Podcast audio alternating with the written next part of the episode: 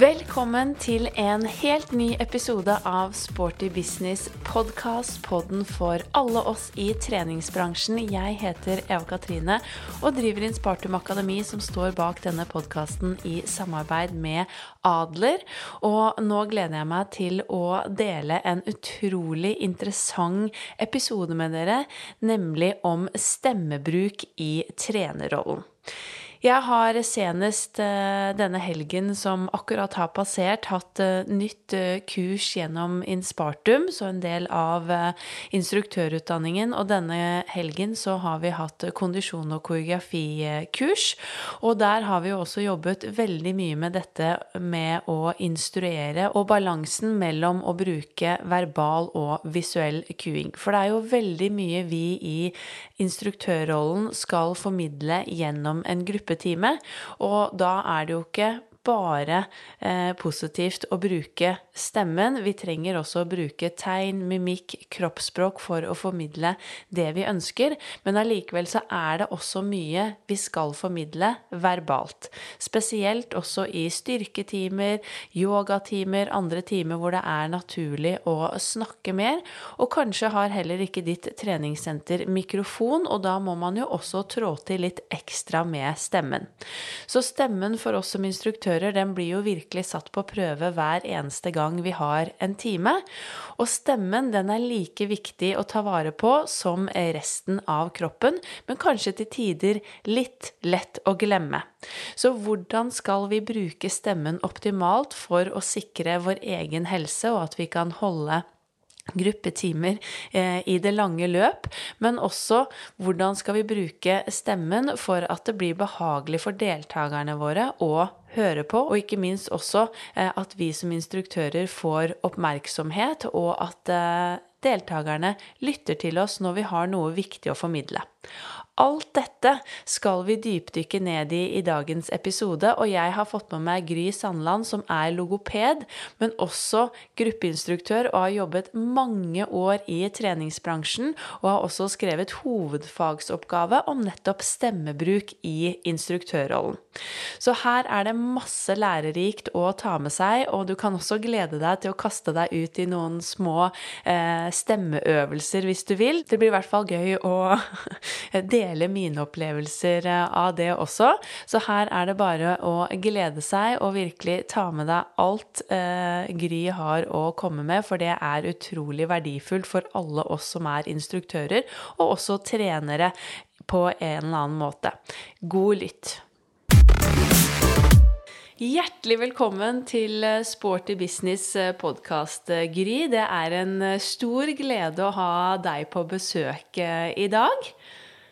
Tusen takk. Og jeg gleder meg jo litt ekstra, for uh, du er jo en gruppetreningsentusiast, akkurat som meg. Og vi skal jo snakke om et veldig spennende tema som vi heller ikke har dekket i podkasten tidligere, nemlig stemmebruk hos trenere, og da spesielt instruktører i gruppetrening. Og for noen uker siden så satte vi i Inspartum Akademi også i gang eh, vårens grunnutdanning for instruktører, og da snakker vi jo nettopp nettopp mye om kommunikasjon, stemmebruk, mikrofonbruk. Eh, og når jeg holdt det mm, grunnkurset, så visste jeg jo også at jeg skulle podde med deg senere. Og tenkte at åh, dette gleder jeg meg til å lære mer om selv òg. Så kan ikke du liksom bare ta oss rett inn i det. Hvorfor er det så viktig med stemmebruk for oss i gruppetrening? Jo, fordi stemmen er det første som ditt publikum hører av deg, eller dine kunder. Det er jo ikke trinnene dine som er det. Når folk hører lyden av din stemme, så sier du ganske tidlig om du skal gi dem en god opplevelse eller ikke. Når vi er bevisst vår stemmebruk, så gir vi folk en god treningsopplevelse. Det blir ikke bare en treningstime, men du gir folk en god treningsopplevelse. Og så er det så viktig, fordi når vi underviser med masse musikk, full av energi selv, og har en puls som går litt høyere, og vi puster en del, så må vi vite at det liker egentlig ikke stemmebåndene. All denne pusten. Ja. For vi begynner å puste med brystpust i tillegg til abdominalpust. Og så sier stemmebåndene ikke så mye pust. Vær økonomisk med pusten. Ikke for lite, ikke for mye. Men det gjør vi jo. Men det er derfor det er kjempeviktig å være bevisst at når pusten øker, så trives ikke stemmebåndene så godt med det. Det må ikke være for mye, for da blir vi roppreget. Det blir en roppreget undervisning. Eller til og med kanskje litt skrikete. Mm. Ja, dette er utrolig spennende, og jeg vet jo at du har til og med skrevet hovedfagsoppgave når det kommer til stemmebruk i eh, aerobic og da i gruppetrening og for eh, instruktører, som vi skal dypdykke også litt mer ned i. Men eh, kan du ikke også fortelle litt om din bakgrunn, bakgrunn og hva er grunnen til at akkurat dette med stemmebruk og stemmetrening ble din store lidenskap? Jo, jeg begynte å trene da jeg var i 20-årene. Jeg ble dratt med på et uh, aerobicsenter. Eller det var Kari Jakkesen på, som hadde trimtram. Og en mm. venninne dro meg med dit. Og jeg syntes det var så gøy med den musikken, så jeg ble fanget fra første øyeblikk. Og så etter hvert så tar jeg utdannelse og blir selv instruktør. Og i midten av 20-årene så instruerer jeg masse på Sunwing vingreiser på Gran Canaria. Men ingen hadde fortalt meg om stemmebruk. Jeg var veldig god på pedagogikken, å få folk med. Mm. Men jeg brukte stemmen min fra morgen til kveld i morgengymnastikk og vanngymnastikk. Så sto jeg på scenen om kvelden. Og det var veldig stemmekrevende dager, men jeg hadde det kjempegøy. Men kroppen spør ikke så veldig om du har det gøy. Den merker at her er det litt mye. Mm. Så min stemme tok helt av. Jeg brukte stemmen min lite hensiktsmessig fra morgen til kveld. Jeg hadde jo ikke lært hvordan jeg skulle bruke stemmen min, så til slutt så forsvant den. Fordi at når du ikke bruker stemmen med støtte i magen, men du henter energien din fra brystet, henter støtte i brystet Det tåler ikke stemmebåndene hvis du går rundt sånn og snakker over flere år, er aerobic-instruktør og står på scenen. Så da var den borte til slutt, og så måtte jeg slutte i en jobb som jeg elsket overalt på jord. Og så reiste jeg hjem til Norge og fikk undervisning av en logoped til å lære å bruke stemmen min på en god måte. Ja. Og så jobbet jeg på Norske Teatret samtidig, som en litt sånn altmulig-person. Med underviste dem i aerobic, og så ble jeg veldig opptatt av stemmebruk og de som sto på scenen. Mm. Og så ble jeg veldig opptatt av troverdig stemmebruk. Og så utdannet jeg meg da. Jeg fikk permisjon med lønn, sånn var det i den tiden, til å bli utdannet logoped. Ja. Men så fortsatte jeg min egen praksis, og så ble stemme mitt uh, område innenfor logopedien. Pga. egne erfaringer med å miste stemmen og hva det gjør med deg psykisk, sosialt og i arbeidssammenheng. Og også uh, med den faglige bakgrunnen min så var det en god kombinasjon til å hjelpe andre som sliter med stemmeproblemer. da. Mm. For det er jo ikke bare det at du mister stemmen, men det skjer jo noe med deg psykisk òg. Folk, folk, sitter på kontoret og gråter uten stemme, og kan, man kan jo ikke jobbe. Og de, vi forstår kanskje ikke hvor alvorlig det kan være da, å miste stemmen sin. Kanskje en kollega eller venn sier 'Du, ta deg en liten dent'. Det brukte å hjelpe meg, for jeg ja. Eh, var litt hes, og da ble det borte. Mm. Men det er eh, ganske alvorlig for veldig mange når det går utover stemmen. Så kan man ikke jobbe, eller jobber det er vanskelig å bruke stemmen. Det er slitsomt å bruke stemmen. Det er smertefullt å bruke stemmen. Mm. Ja, og det gjelder jo ikke bare gruppeinstruktører. Det Absolutt gjelder jo veldig ikke. mange yrkesgrupper, tenker jeg. Ja, veldig mange lærere. Eller av kundene hos eh, logopeder så er det mye lærere. Mm. For de har jo 30 elever der, og det er mye som skjer.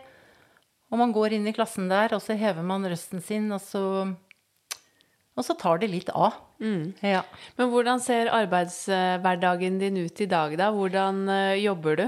Jeg jobber veldig I løpet av covid-tiden så ble jeg jobbende veldig mye online. Mm. Så jeg jobber faktisk veldig mye digitalt med folk rundt i landet. Og så jeg, sa jeg opp min kontorplass i byen etter 25 år. For jeg fikk ikke, eller det var jo sånn at vi skulle ikke møtes. Så tenkte jeg jeg dropper den arbeidsplassen, og så prøver jeg hjemme. Mm. Så nå har jeg innredet hjemme et lite kontor på Kolbotn, så de som vil møte meg fysisk, det gjelder særlig folk kanskje fra Ski og Vestby, Drøbak, syns det er veldig greit å slippe å reise inn til byen. Og så møter jeg folk digitalt, og det fungerer også veldig bra. Så jeg hjelper jo da folk med stemmevansker.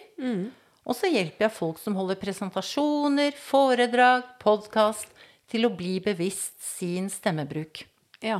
Men jeg må jo spørre deg også, som har vært mange år i treningsbransjen, og som du nevnte, det var jo en jobb du elsket. Eh, hva syns du er det mest eh, fantastiske med treningsbransjen? Og nå er du jo også ivrig medlem og trener på senter. Åh, som instruktør syns jeg det mest fantastiske, hvis det er det du tenker på, f.eks. Mm. Altså, det er ikke noe som er nydeligere enn når en gruppe med mennesker går ut fra treningssalen og ser takknemlige ut. De er svette, de har fått kjørt seg. Og så kommer de igjen gangen etterpå. Og det er ikke noe mer flott som instruktør å se at du får med deg alle. At du lærer deg til å undervise på en måte som gjør at eh, folk flest blir med. At du kan justere deg selv i løpet av timen, så du får med deg folk flest. Og at du ser liksom alle beveger seg som et sånn fint teppe opp og ned på steppen, eller beveger seg rundt i rommet til god musikk. Du ser et smil, du ser konsentrasjon, du ser folk jobbe. Mm. Og, og, ikke minst at de blir takknemlige for det etterpå. Og, og, det er jo fantastisk at vi har kan gå et sted og trene sammen med andre. Folk liker jo å trene sammen. Veldig mange gjør det. Og jeg tenker særlig på vinteren når det er gufsete og kaldt ute og kanskje vanskelig å komme seg ut på en løpetur eller trene i det hele tatt, så er det jo fantastisk å bare kunne stikke på nærmeste treningssenter og få seg en løpetur eller en gruppetime. Og, og så er det et tilbud for alle. Mm. Det, er, det er jo det som er så flott. Enten du er 18 år eller du er 80, så kan vi gå på samme senteret og få trening tilpasset min kropp og min alder. Én er veltrent, overtrent.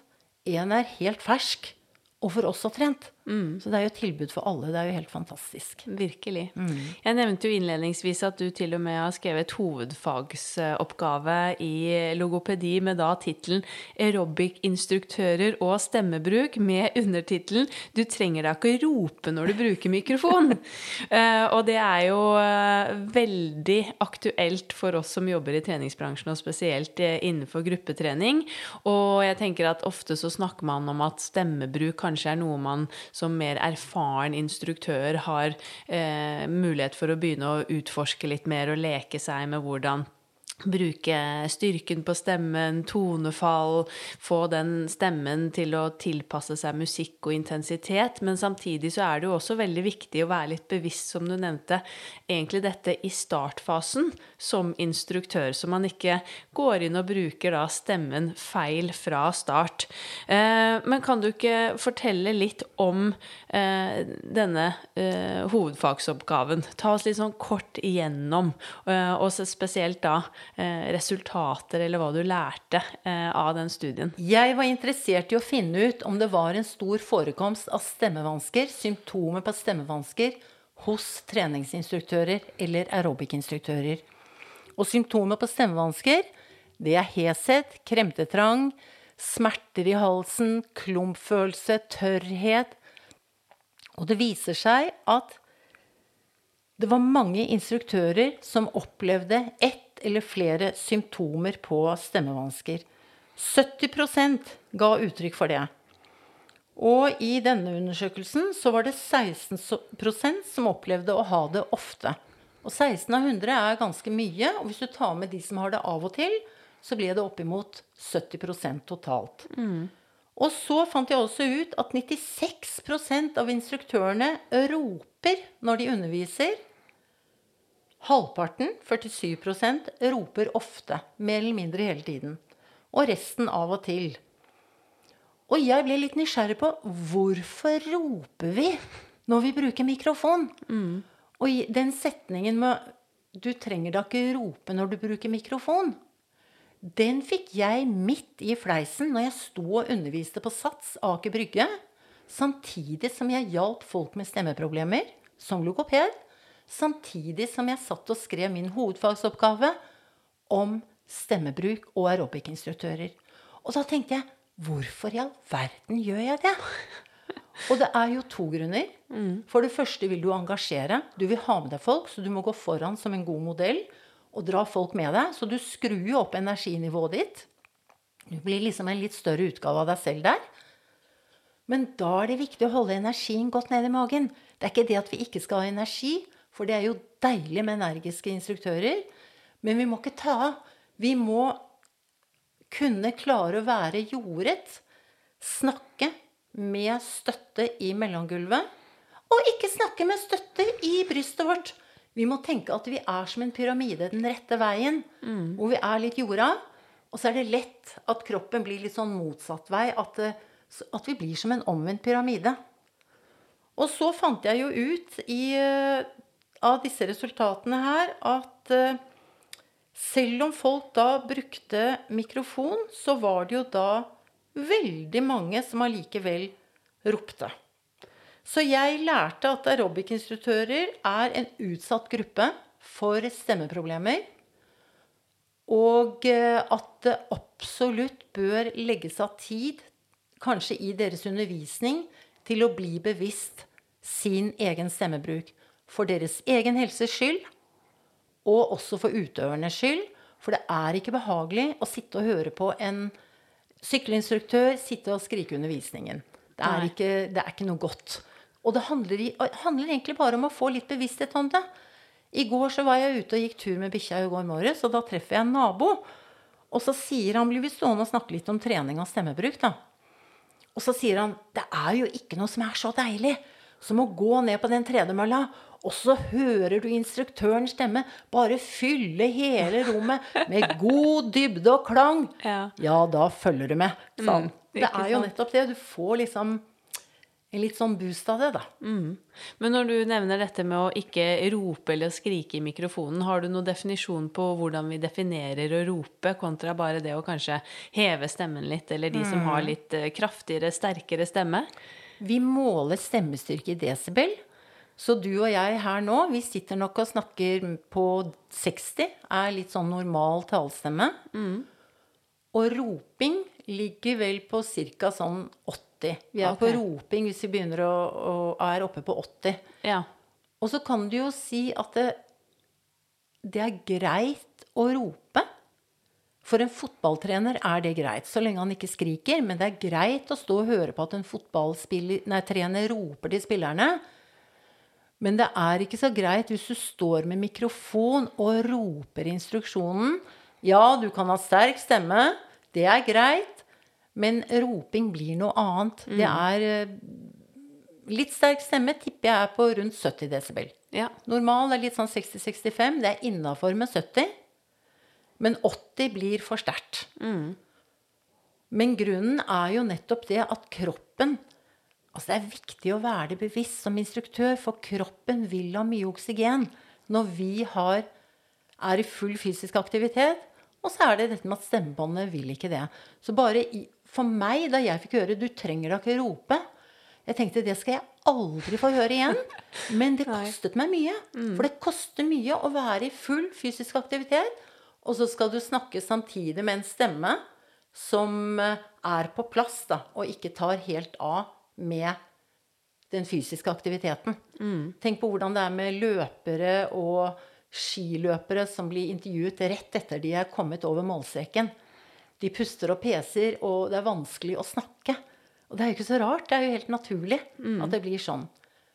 Men å få instruksjon med sånn stemme, det kan være litt utfordrende for de som er i salen, så derfor er det viktig å være det bevisst. Ja. Jeg har vært med selv faktisk eh, selvfølgelig på flere timer hvor også instruktøren har eh, ja, ropt for mye mikrofon, men jeg var bl.a. på en time her for et par år siden hvor eh, var, mikrofonen var ganske høy i tillegg, og så virkelig skrek denne instruktøren inn. Og det var sånn at jeg, jeg fikk vondt i mm. øret, så jeg var sånn på nippet til å si fra. Eh, mm. nettopp fordi at jeg kjente at dette var så høyt at jeg fikk lyst til å faktisk holde meg for øret. For jeg tenkte dette er virkelig skadelig. Eh, men det var jo ikke et sted jeg gikk fast, og så endte det litt med at ok, så lot jeg det være når jeg var der eh, som deltaker. Ja. Men da kjente jeg virkelig på den det nesten stakk litt i kroppen fordi mm. det var så ekstremt uh, høyt. Uh, og det er jo helseskadelig for hørselen for uh, deltakerne. Det er veldig helseskadelig. Og det gjør jo noe med din opplevelse. Du er jo der for å konsentrere deg. Kanskje det var gruppetime og trinn. Og så stjeler oppmerksomheten din så totalt. Hele hodet ditt hører bare denne sterke stemmen. Det er veldig vanskelig å konsentrere seg da Ja, virkelig. om det man skal gjøre. Ja, og det er jo ja, virkelig ikke behagelig. Nei, det er forferdelig. Jeg hørte også det samme skjønner du, for noen år tilbake, hvor jeg, ble jeg skulle selv inn på time, og så sto døren oppe, og det var mye folk der inne, og det var veldig høy intensitet. Morsom time. Nydelig instruktør. Men så hører jeg plutselig Skrik sammen med meg! Og så sto hun og skrek noe fra musikken, og de så jo helt skrekkslagne ut, disse deltakerne. Da tenkte jeg nei, da misforstår vi litt. For det er ulyd. Ja. Og jeg tenker også dette er litt viktig for uh, treningssentre og de som driver senteret også, med tanke på å uh, sørge for god lyd og vedlikehold av både høyttaler og mikrofon i sal. For det har jeg også opplevd selv, at når du som instruktør hører deg selv veldig dårlig, så er det også veldig lett å begynne å heve stemmen, fordi du har ingen referanse for hvordan deltakerne hører deg underveis. Og det har jeg selv tatt meg i, at uh, i saler hvor det er eh, Altså at du F.eks. den høyttaleren som er vendt mot meg, da kanskje ikke er så godt eh, stilt inn. Og har jeg ikke hørt meg selv, så tar jeg meg i at jeg begynner å heve stemmen naturlig, fordi at jeg vil jo nå frem. Men så Ja. hører de meg kanskje det dobbelte av hva jeg selv hører meg som. Det er kjempeviktig. Vi hører noe annet selv, ja, som du sier, enn det kanskje omgivelsene gjør.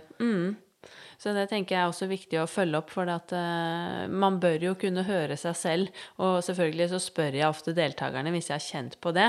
uh, og så får jeg da tilbakemelding at å ja, men de hører meg fint, så vet jeg det jo selvfølgelig. Men det er lett når du ikke hører deg selv, å begynne å Ja. uh, heve stemmen automatisk. Veldig lett. Men du gjør jo noe lurt, da. At du spør hører dere meg godt nok. Er det sterkt nok? Er det for mye eller for lite? Ja. Det er jo en grei, greit da, å spørre om, da. Ja, da har man i hvert fall eh, tatt den uh, avsjekken. Ja. Men når det gjelder eh, forskning på dette området, så vet jeg selv også etter min master på idrettshøyskolen som omhandlet gruppetrening, så fant jeg jo ganske mye studier også på dette fra uh, egentlig tidlig 90-tallet, hvor aerobicen begynte å virkelig uh, slå igjennom.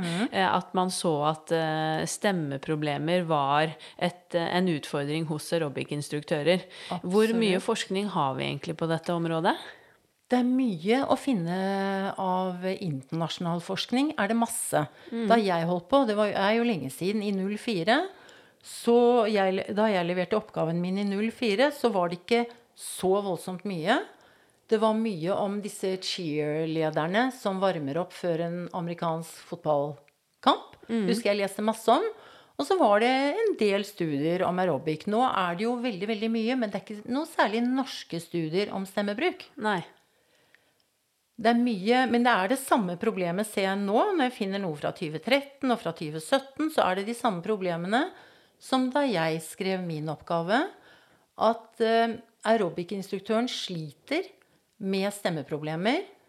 Og at det går utover sosiale livet deres og arbeidet deres. Og at eh, de har ikke nok kunnskap om hensiktsmessig og god stemmebruk mens de underviser. Så det er masse studier på det. Men jeg ser jo også at jeg fant et australsk studie hvor det ikke legges Altså spørsmålet er er vi interessert i å hjelpe instruktørene til å lære om god stemmebruk. Og da går det jo frem her at uh, ledelsen vet ikke helt om det er det de skal bruke tid på. Altså de får, jeg tror ikke Hvis du ikke har hatt et stemmeproblem, så forstår du ikke hvor ille det kan være. Nei.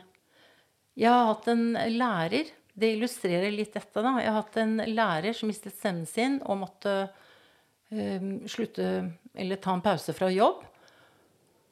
Samtidig er det en kollega som brekker en arm, tror jeg han gjorde. Kollegaen får ønske lykke til og blomsterbuketter. Hun får ikke høre noen ting. Og det opplever jeg fra mange, at, er, at folk, kan, folk rundt dem forstår ikke alvoret, for du ser så frisk ut. Men du har det forferdelig vondt innvendig og tenk å ikke kunne kommunisere. Når stemmen blir borte, eller stemmen blir hes, så har du det Enten er det slitsomt å snakke, eller så har du det veldig vondt. Det er nesten som å gå med to gnagsår på hælene, og så får du beskjed om å bare fortsette å gå med de skoene som har skapt disse gnagsårene. Det er smertefullt, da. Ja, virkelig. Så, så det er viktig at ledelsen, eh, både på alle mulige arbeidsplasser, forstår at dette med heshet, og når folk klager på stemmen sin, at de har det vondt, så skal man faktisk lytte litt og ta det litt på alvor. For det er ikke sikkert det bare er en påbegynnende forkjølelse eller noe sånt. Nei. De kan ha det skikkelig ille. Men, men så er det mye ja-mennesker blant disse, disse med hese stemmer, da. Så de sier 'nei, det går, det går bra. Jeg kommer på det møtet, og så, og så sparer jeg stemmen i kveld når jeg kommer hjem. Ja. Det går fint. så mm, være litt er- Jeg tenker det er kjempeviktig at eh, ledelsen rundt på treningssentrene er opptatt av stemmehelse og ikke bare kropp. For stemme og den strupen her er også en del av helsen. Ja, virkelig. Ja, det er jo et helseperspektiv her, og jeg pleier jo ofte å si til instruktører at noe av det første man i hvert fall kan legge merke til, er jo at eh, Eller være observant på, er jo at man aldri skal være sliten i stemmen etter at man har hatt en gruppetime. Eh, og det har jeg kjent på selv de gangene jeg har hatt eh, spesielt gruppetimer uten mikrofon. Og på det senteret jeg begynte som instruktør, så hadde vi mikrofon som ikke funket i lang tid. Og da var jo jeg vant til å undervise uten mikrofon. Og det er jo veldig mange i dag òg som fortsatt driver steder eller mindre steder og som ikke har mikrofon. Og det å faktisk også investere i en mikrofon er jo viktig for stemmehelsen. Eh, og så tenker jeg, som du nevnte innledningsvis, dette med at eh, vi skal jo levere gode gruppetimer som gir en godfølelse, en opplevelse som folk får lyst til å komme tilbake til. Og når jeg selv da var på denne gruppetimen med denne instruktøren som skrek i mikrofonen, og det gjorde virkelig vondt i øret Jeg hadde jo aldri kommet tilbake. Og hele målet vårt er jo å fylle disse gruppetimene for folk til å komme tilbake igjen og igjen. Og da kan jo f.eks. dette med stemmebruk eh, være en av grunnene til at noen ikke liker, eller at en gruppetime ikke er like populær. Det er ikke sikkert det er innholdet, men kanskje det er det som er problemet. Faktisk. Sånn er det. Det hjelper ikke med verdens beste time hvis det er skringrete å høre på undervisningen. Så kan du si at eh, jo, men jeg kuer så mye, jeg bruker armer, jeg bruker ikke stemmen min så mye. Men det jeg oppdaget i min oppgave, er jo det at eh, vi bruker alle sansene når vi lærer. Men så har vi en yndlingssans som vi bruker når vi bearbeider informasjon. Og for en tredjedel av de i salen så er det den auditive sansen. Så at vi har noen raske kommentarer, om, gir beskjed om hvilken retning vi skal. Sånn verbalt. Kryssbenn bak. Bare noe kort. Det er viktig for en tredjedel av de som lytter. Og de må få lov å slippe å høre skringrete stemmer. Alle bør få slippe å høre det, da. Ja. Men, eh, men det er veldig viktig. Vi må ha litt verbalundervisning òg. Vi kan ikke bare basere oss på at folk ser og gjør. Det må komme en, en instruksjon litt verbalt innimellom. ja. Det liker veldig mange, da. Helt klart. En god balanse der. Ja. Men tilbake til når du selv opplevde å miste stemmen da som uh, instruktør. Kom det gradvis, litt og litt heshet og sånne type ting som du kanskje overså, eller mistet du den med en altså sånn brått?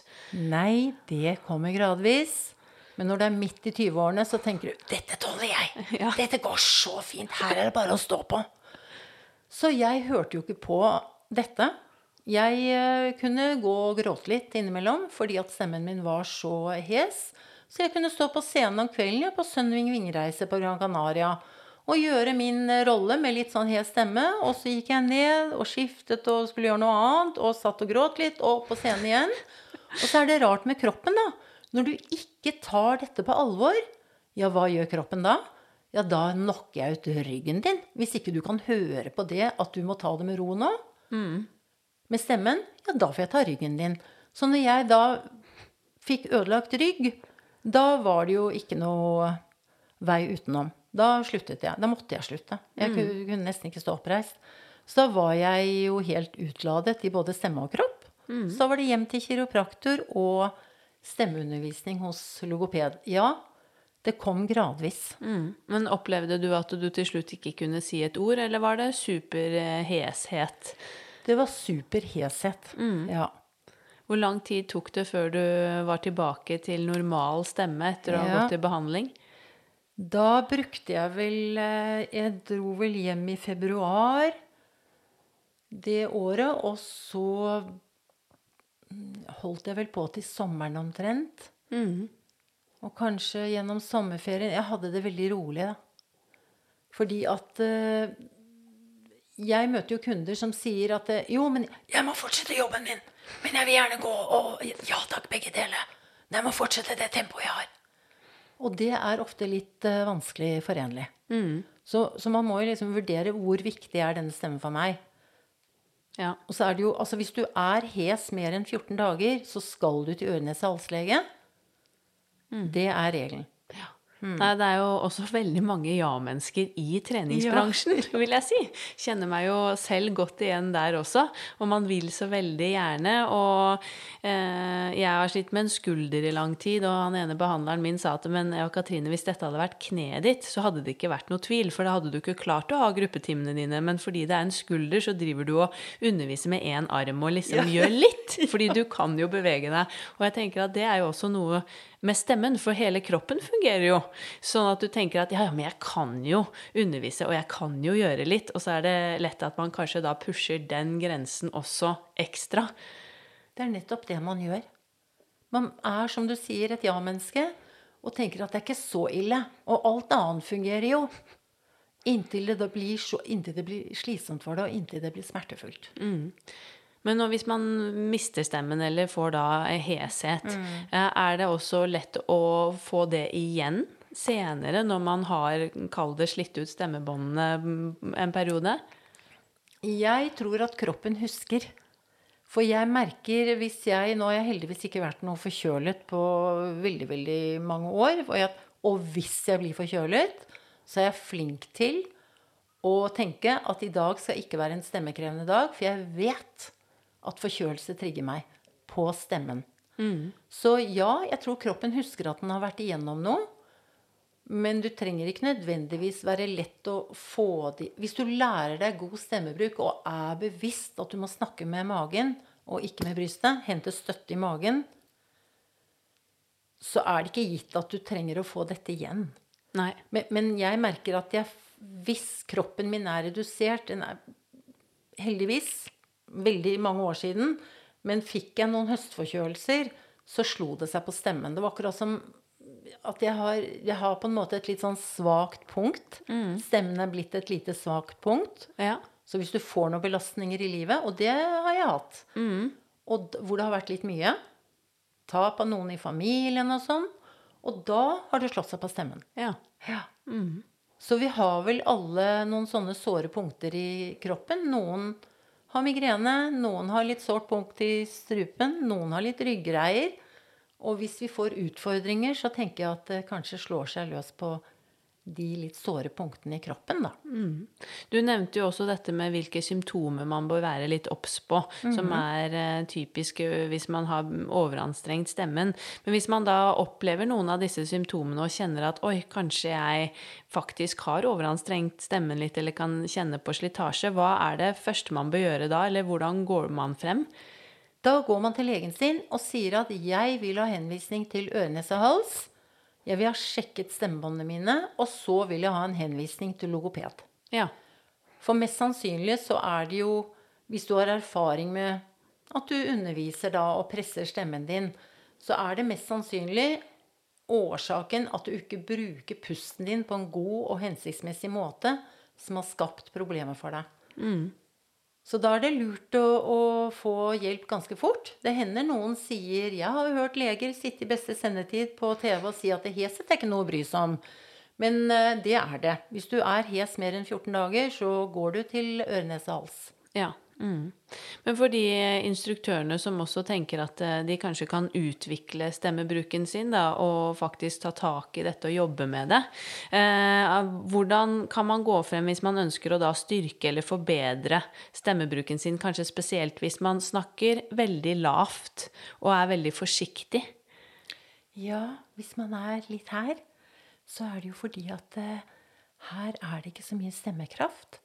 Og da bør man lære av noen som kan dette, til hvordan man øker stemmestyrken sin på en god måte. For jeg var nemlig litt sånn før jeg Jeg hadde veldig lav stemme på ungdomsskolen. Og det var ingen som hørte Læreren hørte ikke meg ofte. Og så var jeg på audition en gang på Oslo Nye Teater. Og da fikk jeg høre din stemme rekker ikke lenger enn til scenekanten. Så når jeg da begynte å jobbe på Sunwing, så tenkte jeg min stemme skal da nå ut. Så jeg skrudde jo opp volumknappen min, men jeg tok jo av. Jeg skjønte jo ikke hvordan jeg skulle gjøre det. Så hvis du skal heve, lære deg å øke stemmestyrke, så må vi passe på Du må få hjelp til å hente støtte i magen. Og ikke ta av, for det er det som er lett å gjøre når vi hever stemmestyrke. Så hev, hever vi også stemmeleie. Og dette her er ikke bra. Strupehodet må ligge nede, og så hever vi bare volumet. Og dette må jo trenes på, for vi faller tilbake til våre gode, gamle vaner hele tiden. Så hvis vi er veldig, veldig lave her, så er jo dette vanen vår. Og så må vi gjøre, hvis vi, det er viktig for oss å styrke stemmen, så må vi trene ikke mye, men sånne små drypp hver dag. Så dette går inn i nervebanene våre, da. Mm. Er det øvelser og teknikker man da kan bruke også som man kan prøve på egen hånd uten eventuelt gå til en logoped? Ja, men du, du bør jo eh, Ja. Det må komme fra noen som kan det. Ja. Så du, du kan jo Jeg har på min eh, Altså, jeg selger uh, PDF-er på min hjemmeside. Hvor jeg har laget både skriftlig og med lydfiler at folk kan herme etter meg. Og det gjelder nettopp stemmestyrke. ja. For hvis folk snakker veldig lavt, eller noen kommer ofte og er litt sånn mumlete De er liksom veldig mumlete her nede, og folk ber dem om å gjenta og sånn. Da er det mulig å trene stemmestyrke ved helst å herme etter noen lydfiler. Og så har jeg også lagt ved, selvfølgelig, jeg overlater jo ikke folk til seg selv, at hvis du er minste antydning til noe ubehag når du trener, så får du gratis tid med meg online for å, å, få det helt på plass. Hvis du føler at uh, dette ble ikke helt riktig for meg. For det er riktig å gjøre det med kvalitet, vet du. Ja. Og det er jeg tenker jeg, er akkurat som trening.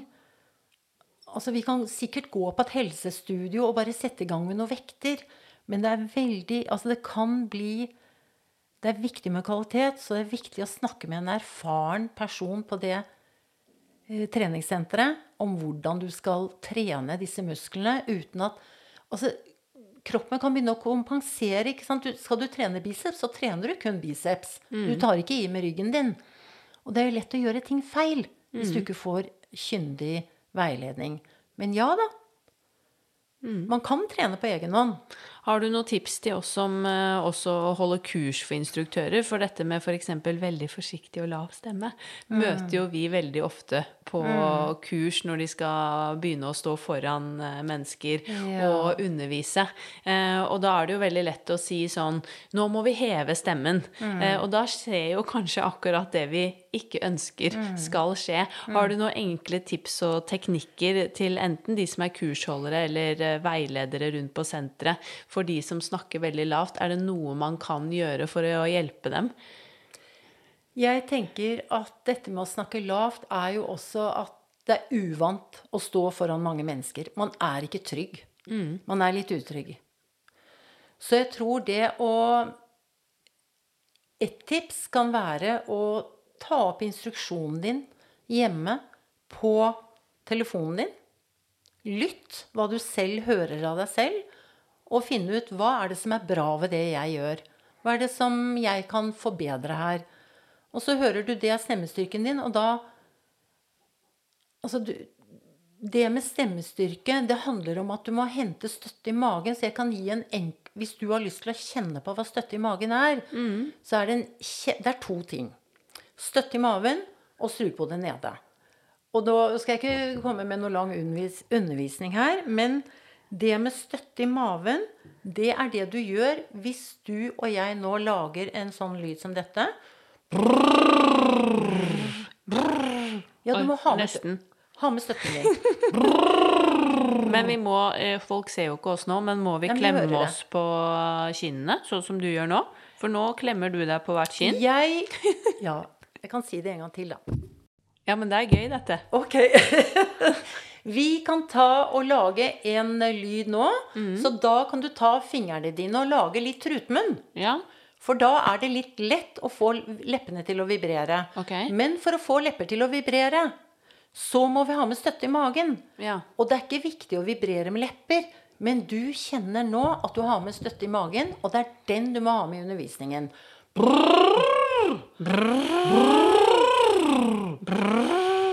Ja, på slutten der så blir det Da borte. glipper den. Da glipper den. Ja.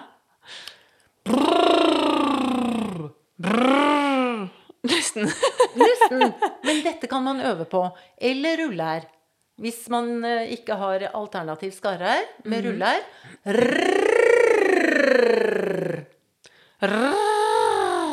Ja. Det er støtten. Litt lyst. Støtten, ja, det er litt I eh, magen. Støtten, Ja. den skal være med. Og den støtten, den er vi jo født med. Altså, vi bruker det alle sammen når vi hoster, når vi nyser, ler av hjertens lyst, og når vi gråter. Ja. Når vi gråter på ordentlig, så kjenner du at den maven din er med. Mm. Og den må vi ikke glemme i tale. Nei. Men vi blir jo, ettersom livet går, så er det mye stress og ting og tang. Og så plutselig flytter vi tyngdepunktet opp i brystet, og så henter vi energien her oppe. Så tilbake til ditt spørsmål om unge instruktører. Så er det noe de må tre... Altså, de må trene på å stå foran folk. Og da tenker jeg at de må trene på en trygg stemmebruk. Og det Kanskje de trenger litt hjelp, da. Ellers så må de gjøre det mange ganger. Og da sier jeg gå hjemme og prat høyt. Gå og snakk instruksjonen høyt på hjemmebane. Ta opptak og hør hva du gjør. Og så tenker du Jeg står nå i en stor sal. Foran meg er det 30 mennesker. Ha det bildet i hodet ditt. Lat som. Ja, jeg må heve stemmen min, og så hører du på opptak. Nei, nå forsvant jeg litt. Så der kan jeg gi deg et lite eksempel på hvordan vi holder strupehodet vårt nede. Nå kan du og jeg ta to fingre på haken, og så tar vi de to fingrene langsmed nedover halsen til du kjenner en kul. Kjenner du den kulen? Ja. Hold fingrene der. Der ligger strupehodet ditt. Og så ser vi rett frem, nesa rett frem. Hold. Og så får du et spørsmål. Og istedenfor å svare ja på det spørsmålet, så er du litt tankefull, og så sier du mm. Mm. Fint. Og så gjentar du etter meg. Mm. Her må jeg snakke. Mm, her må jeg snakke. Det er ditt naturlige stemmeleie. Hold fingrene der, og så hermer du, og så sier du mm, her må jeg snakke. Her må jeg snakke. Nå forsvant den kulen opp. Så slipp den ned bak fingeren igjen. Der skal strupehodet ligge. Og hvis du hever stemmen din med strupehodet der nede, så går det fint. Ja. Men det strupehodet må ikke gå oppover til ørene og heve stemmestyrke. Da reagerer stemmebåndene. ja. Fascinerende. Så jeg tenker du må bli tryggere til å prate foran masse mennesker. Og da gå hjemme. Gå hjemme og snakk høyt. Tre- Hvis du er litt sånn redd for å stå foran mange mennesker, finn noen trygge folk i omgivelsene dine. Kanskje du har noen venner som kan tenke seg å bare høre på deg. At du trener på en liten gruppe med mennesker, da. For å heve stemmen din og for å instruere. Ta opptak og lytt. Ja. Men når man eh, Disse rare lydene som vi nå har holdt på å lage, Ja. spesielt denne hvor vi tok, laget litt trutemunn og Ja. holdt på, er de øvelsene også noe man f.eks. kunne brukt som en oppvarming før man skal inn og instruere? Absolutt. Kjempeviktig.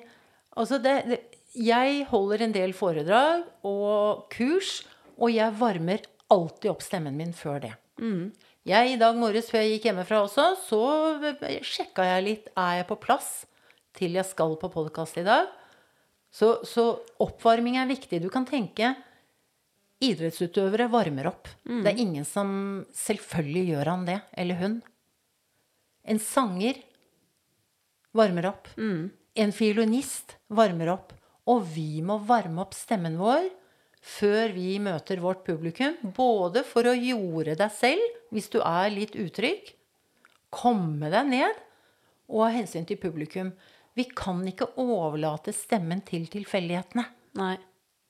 Men kan det da også være lurt f.eks. å gjøre noe av det vi gjorde nå, i tillegg til å ja. Ja. snakke litt til seg selv? Ja. Eh, heve stemmen, øve litt på noe av det du skal si. Kan det være en god eh, oppvarming? Det er en god oppvarming. Ta denne brrrr. Kjenn etter. Her er maven min med, ja. Nå er jeg på plass. Selv så har jeg gått og tatt noe som heter friksjonsøvelser. Og da kan du tenke på at du Det er to ting. Blås på varm kaffe. Ja. og lukt på en blomst. For det vi ofte gjør, og hvis vi er nervøse, og instruktørene de kommer inn, står foran 30 mennesker, og så gjør de sånn via munnen Velkommen til denne! Og så får vi aldri hentet støtten ned i magen. Så hvis det er én ting folk skal lære av denne podkasten, gå rett på utpusten din. Du må snakke på utpust. Du trenger ikke hive etter pusten før du begynner å prate. Nei. Smart. Så hvis vi kunne vært flinke, tenk på hva du gjør hvis du har en te da, som er varm, eller suppe. Og så går du, blåser du på den. Du gjør jo ikke sånn først. Du går rett på. Og det gjør du når du åpner munnen også. Velkommen. Tenk at du Send stemmen din i en retning ut i rommet til alle kundene. Og tren på det hjemme. Jeg går sånn, jeg. Ja. Og da én blås på varm suppe. To lukt på en blomst i den rekkefølgen. Ja. Mm. Og glem dette sånn som bikkjene gjør, med munnpusting. Ja. ja, for det er veldig lett.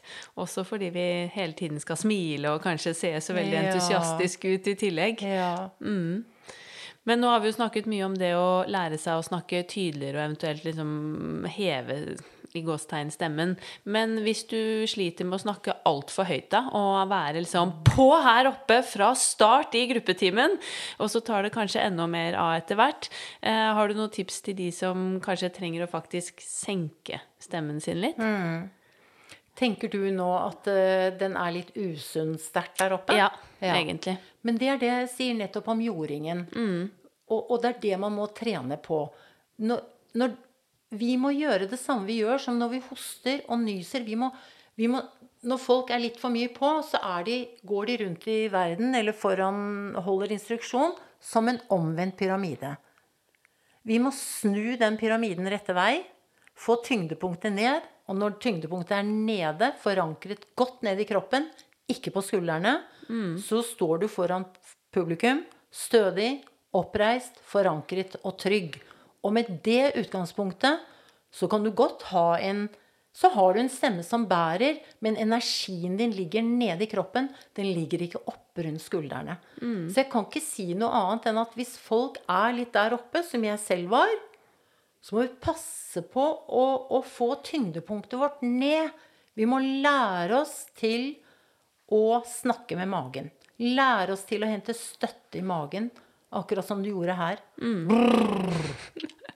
Men er det andre ting man eh, kan leke seg med når det kommer til stemmebruk eh, som instruktør, eh, med tanke på kanskje seng, nesten hviske, hvordan lære seg å bruke tonefall eller tempo annerledes? Ja, setningsmelodi og tonefall er viktig.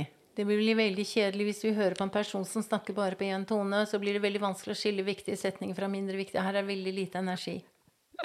Ja. Så, så det er helt riktig det du sier. Og en god måte er jo hvis du er, føler og har hørt at jeg er litt monoton og kjedelig, jeg snakker bare på én tone. Les eventyr, les fabler, les dikt. Og lek deg med stemmen din. Og overdriv. Det er ikke farlig å spille forskjellige dyr eller hva du vil for å få en variasjon i stemmen din. Syng. Når vi engasjerer Engasjement ligger jo i stemmen. Og hvis vi er litt eh, forsiktige her, så blir det jo ikke så mye engasjement. Og det kan eh, bli litt eh, litt forsiktig, ja. Vi skal jo vise litt energi. Vi skal jo dra med oss folk. Så da er det å øve på stemmestyrke, og det er å øve på setningsmelodi ved hjelp av eh, dikt eller fabler, som jeg nevnte. Og mm, Stemmen er som å gå i kupert terreng. Det går litt oppover, og så går det bortover, og så går jeg nedover.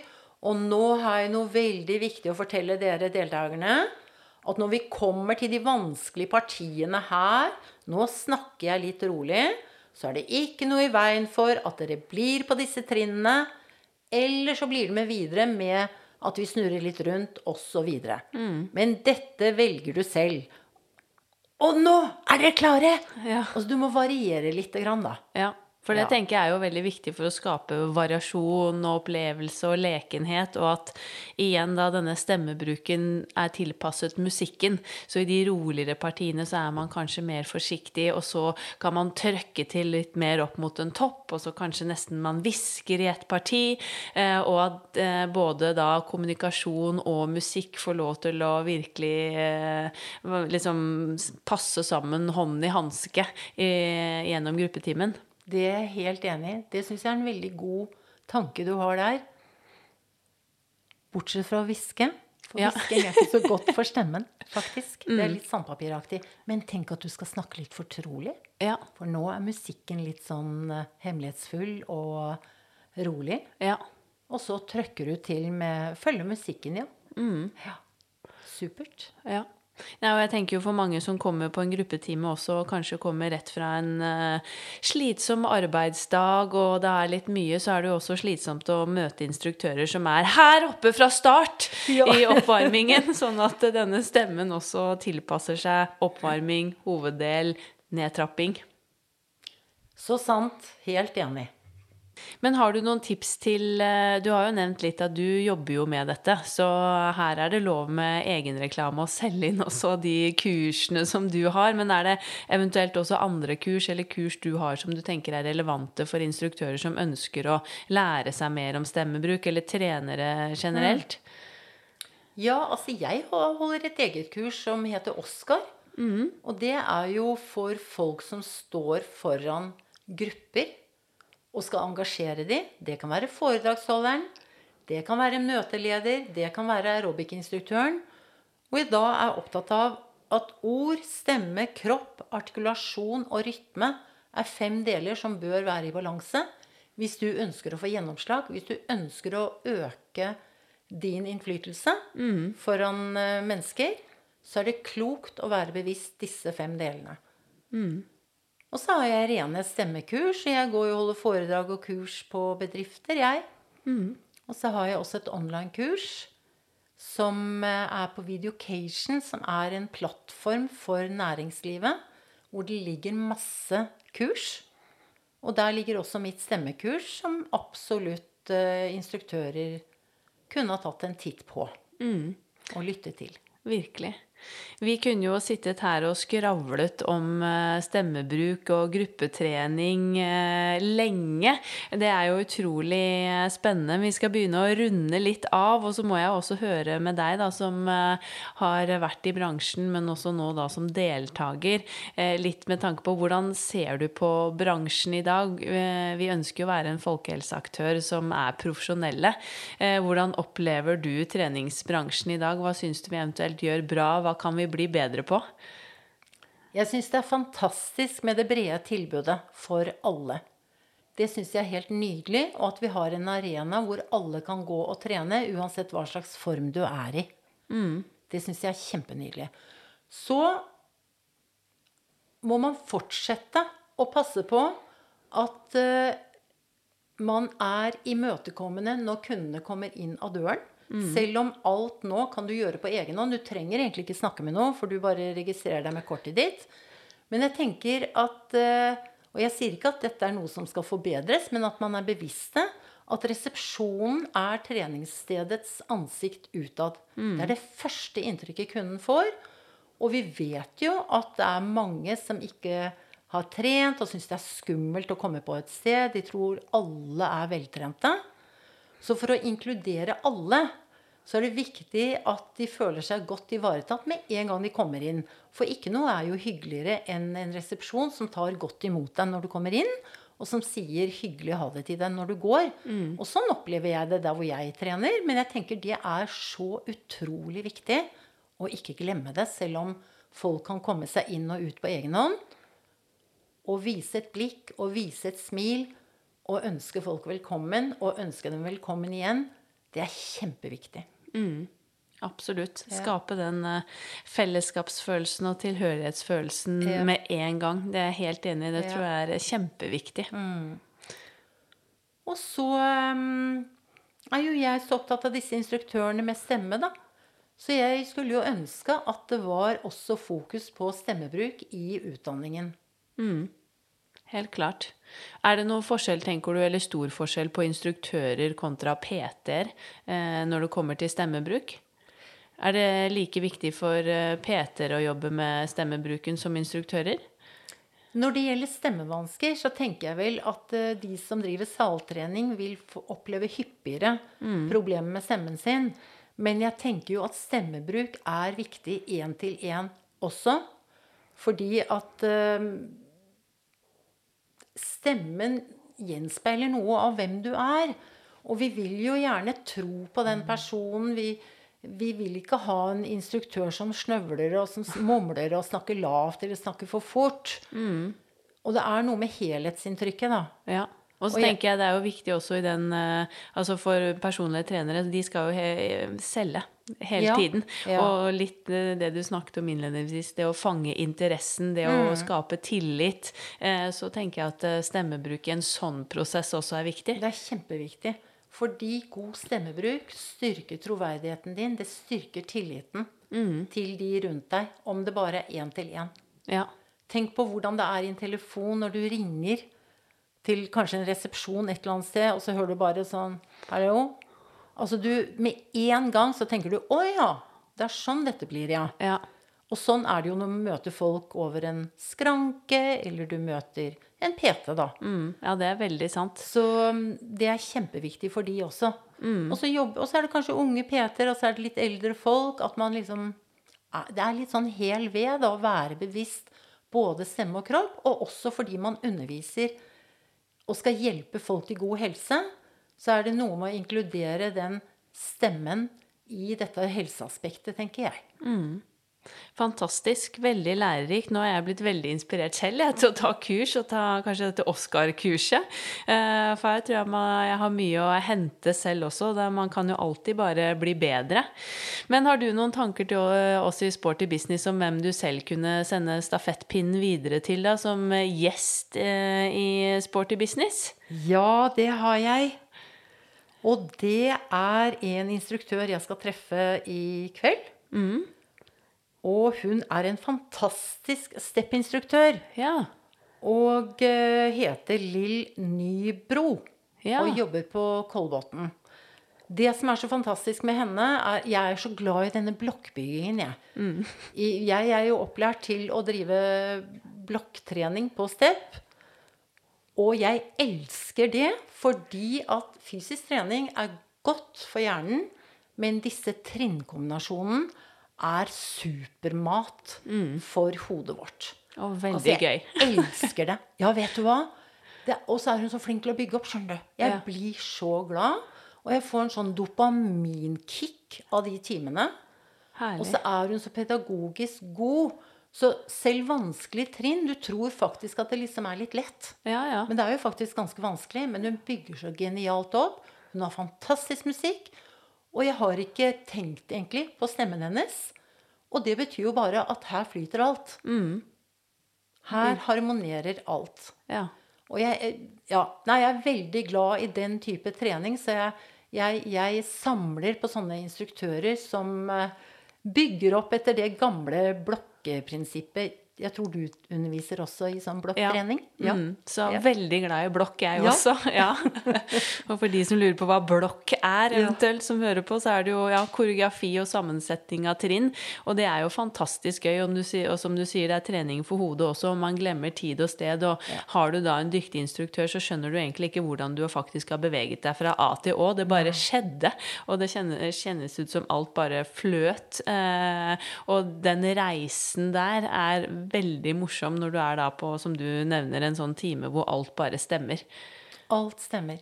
Så da Jeg tenker hun, eh, Hun skal jeg gjerne hørt uh, prate litt om sin type undervisning. Hun er kjempegod, da. Mm, fantastisk uh, godt tips. Tusen hjertelig takk. Og ikke minst takk for en veldig lærerik uh, prat som jeg setter stor pris på, og som jeg også tror at lytterne våre kommer til å sette stor pris på, for dette er et kjempeviktig tema. Så tusen hjertelig takk for at du tok deg tid, og for at du ville komme.